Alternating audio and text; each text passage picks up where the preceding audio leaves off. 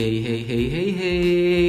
Balik lagi di podcast cerita teman bagangan gue Niko. Kali ini udah episode keempat. Yeay Episode kali ini gue kedatangan teman yang bakal cerita tentang pengalaman dia menjadi anak rantau ya ini teman ini teman kerja gue jadi dia itu berasal dari Padang dan udah kurang lebih hampir setahun mungkin menetap di Jakarta untuk lebih jelasnya kita langsung sapa orangnya aja yuk Hai Umaya Hai Mani. apa kabar ya, alhamdulillah sehat. Oke, langsung aja ya Maya. Ini kan gue mau cerita tentang pengalaman lo jadi anak rantau ya. Mm, Kalau boleh tahu sih, kapan sih pertama kali datang ke Jakarta? Hmm, kalau nggak salah sih di Maret 2017 ya. Maret 2017 ya, hampir setahun ya. Bulan depan, ber- eh dua tahun, dua tahun bulan depan dua tahun. Terus alasan pertama kenapa mutusin untuk datang ke Jakarta tuh kenapa? Satu untuk cari kerja. Cari kerja. Emang di Padang gak ada pekerjaan? Ada sih kerjaan sih, tapi ya gitulah susah buat nyari yang Susah. lebih baik itu susah. Yang lebih baik. Hmm. Hmm, gitu. Emang di Jakarta udah dapat yang terbaik belum? Masih on the way. Mudah-mudahan ya, semoga dapat yang terbaik. Amin. Amin. Terus selain cari kerja, eh, tekad apa sih yang bikin lo yakin kalau gue ini harus cari kerja di Jakarta? Sampai lo yakin kalau di Jakarta gue yakin bakal lebih baik. Soalnya gini ya, gue lihat dari pengalaman teman-teman sih yang udah pada ngerantau di Jakarta banyak tuh yang udah sukses seperti uh, teman-teman SMA yang kerjanya di Jakarta, waduh udah berhasil, udah maksudnya ya udah bisa banggain orang tuanya kayak gitu. Kebanyakan dia emang di Jakarta ya, jadi temen itu jadi motivasi juga, jadi tolak ukur lah ya. Iya, jadi Melihat dia di. Jakarta bisa sukses, jadi lo yakin gue juga enggak? pasti bisa. Mm-mm. Tuh. Hmm, terus pertama kali nih pasti kan minta izin orang tua dulu kan, apalagi kan Umay kan perempuan ya. Orang tua tuh waktu itu minta izin ke orang tua gimana? Pas bilang mau ngerantau ke Jakarta. Wah itu per- perlu perjuangan tuh. Eh, nggak dibolehin awalnya. Soalnya kan dari dulu aku tuh sering sakit-sakitan gitu ya. Sering sakit. Terus apalagi anak cewek. Kita kan berlima cewek semua. Jadi kalau pergi merantau satu itu aduh gimana ya? Nanti takut nggak bisa jaga diri. Sama kita tahu lah ya kalau di Jakarta tuh pergaulannya kayak gimana kayak gitu kan. Terus eh, juga sendiri nggak ada keluarga. Oh gimana nggak ada sih? siapa-siapa di sini? Nggak ada. Emang benar-benar sendiri waktu pertama sendiri Oh, luar biasa. Hmm, kayak gitu lah. Meyakinkannya kayak gimana tuh?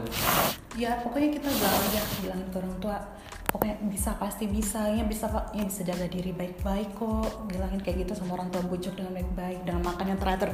Kan alasan pertama kan dibilang sering sakit, nanti Sakit. kalau kamu sakit di sana siapa yang ngerawat? Kayak gitu kan. Aku bilang enggak enggak sakit-sakitan lagi.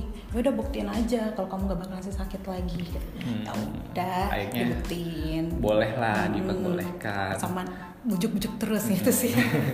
Akhirnya tuh, akhirnya kan datang ke Jakarta dong. Kesan pertama waktu datang ke Jakarta gimana? wah ini ternyata Jakarta ya soalnya gimana ya ya kalau di Padang kan ya pertama aja mungkin norak kali ya di situ nggak ada gedung-gedung tinggi ya biasa aja Padang. Padang biasa aja namun dan juga stylish orang-orang Jakarta kayak gimana Hmm. kayak gitu wow banget gitu kan ya terus orang di sini agak-agak individual gitu sih Individual ya? Mm-mm. Hmm. fashionnya juga sangat menarik sebenarnya Emang di Padang nggak menarik? Cuma beda lah ya. beda uh, menarik tapi ada bedanya juga Hmm. Terus berarti kan ke sini nggak ada siapa-siapa, nggak sama siapa-siapa. Terus waktu itu tinggal sama di sama siapa tuh? Waktu datang ke sini? Jadi waktu dianterin kemarin tuh dianterin sama kakaknya papa. Jadi dibantu cariin kosan dulu langsung di daerah kebun kacang. Setelah itu udah dapet kosan di sana, udah ditinggal. Bener-bener sendiri itu, bener-bener nggak ada siapa-siapa. Nggak ada siapa-siapa sampai sekarang. Tapi asal so far ya lumayan lah. Bisa gitu. Hmm, Terus untuk menyesuaikan diri pasti kan beda lah lingkungan di Jakarta sama di Padang seperti yang Umay tadi bilang lah di sini agak individual lingkungannya pasti beda terus cara menyesuaikan dirinya kayak gimana tuh Ya udah kayak gimana ya? Ya udah jalani aja gitu. jalanin aja Iya, gimana ya orang individual ya. Udah, kita berarti kita nggak boleh bergantung sama orang juga. Kita hidup mandiri aja kayak gitu. Ya, soalnya kalau di Padang itu kan kita tuh saling kalau tetangga kayak kosan gitu ya, saling interaksi satu sama Hmm. yang lain nah kalau di sini enggak orang itu sibuk sendirian kita juga harus sibuk sendiri kita harus menyesuaikan kayak gitu aja Hmm, mungkin itu karena lingkungan juga sih karena menurut aku juga nggak semuanya kayak gitu sih Iya sih. ya karena di lingkungan aku sendiri juga sama tetangga masih berinteraksi sih mungkin Umay karena emang di situ ngekos ya Iya. kata-kata mungkin anak kos punya kesibukan masing-masing itu. waktunya aja mungkin Iya. kayaknya sih kayak gitu Hmm, terus dua tahun ya di Padang. Eh di Jakarta. Apa yang paling dirindukan sih? Pastinya selain keluarga pasti rindu banget sama keluarga. Selain keluarga ada gak yang dirindukan gitu? Lingkungan dan cuaca kali ya. Lingkungan. soalnya kalau di Padang itu waduh udaranya segar kayak gitu, Oh, gitu ya? jarang polusi. Nah, Oh kalau ya, di karena Jakarta- masih gedung-gedung masih jarang ya. Mm-mm. Dan juga ya masakan orang tua tentunya kulinernya gitu. Padang, tapi di sini kan banyak warung Padang. Tidak seenak yang di Beda ya. Kata-kata di sini juga, gue suka datengin warung Padang, tapi yang jual orang Jawa. Ah, banyak banget kayak gitu Iya pasti rasanya udah pasti beda banget sih. betul pasti Terus ke depannya nih Mai, eh, ada keinginan untuk kembali ke kampung halaman gak? Atau justru emang udah nyaman di Jakarta dan kayaknya yakin bakal bakal netap di sini? nah itu masih diraguin soal kemarin pulang kemarin juga ditanyain mau netap di Jakarta atau pulang tapi keinginan sih pengen pulang aja Pengen pulang aja pengen ya. pulang aja ntar kalau seandainya udah ketemu jodohnya dan cocok seandainya mau rencana mau pulang aja kayak gitu Ketemu jodohnya kalau jodohnya di Jakarta, ajak dia kerja pulang yakin? oh gitu. rencananya mau pulang aja soalnya kan ya. mm-mm, soalnya itu juga sih waktu kita buat banggain orang tua maksudnya buat senangin orang tua buat jagain orang tua gitu Hmm, lebih banyak waktu buat keluarga lah kalau di sana ya. iya Ya deh kalau kayak gitu. Oke mungkin cukup sekian ya Maya. Makasih banget nih buat waktunya. Semoga sukses ke depannya bisa banggain orang tua. Amin. Amin.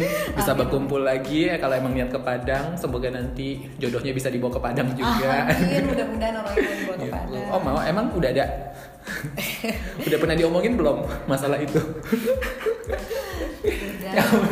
jadi ke mana-mana udah sih cuma ya itulah masih di Allah biar nantilah. Iya, kita boleh punya rencana tapi Tuhan nanti yang menentukan. Oke thank you banget ya Mai. Iya. bye bye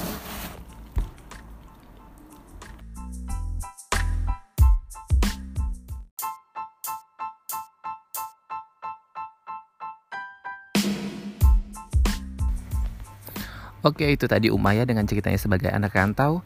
Sekian episode kali ini. Sampai ketemu lagi minggu depan dengan teman dan cerita lainnya. Jangan lupa di subscribe podcast teman cerita. Terus kalau ada kritik dan saran boleh juga disampaikan melalui email di nikojulianto at gmail.com Atau boleh juga ke Instagram pribadi gue di niko at nikojulianto. Udah, thank you udah dengerin teman cerita. Sampai jumpa di episode berikutnya. Bye-bye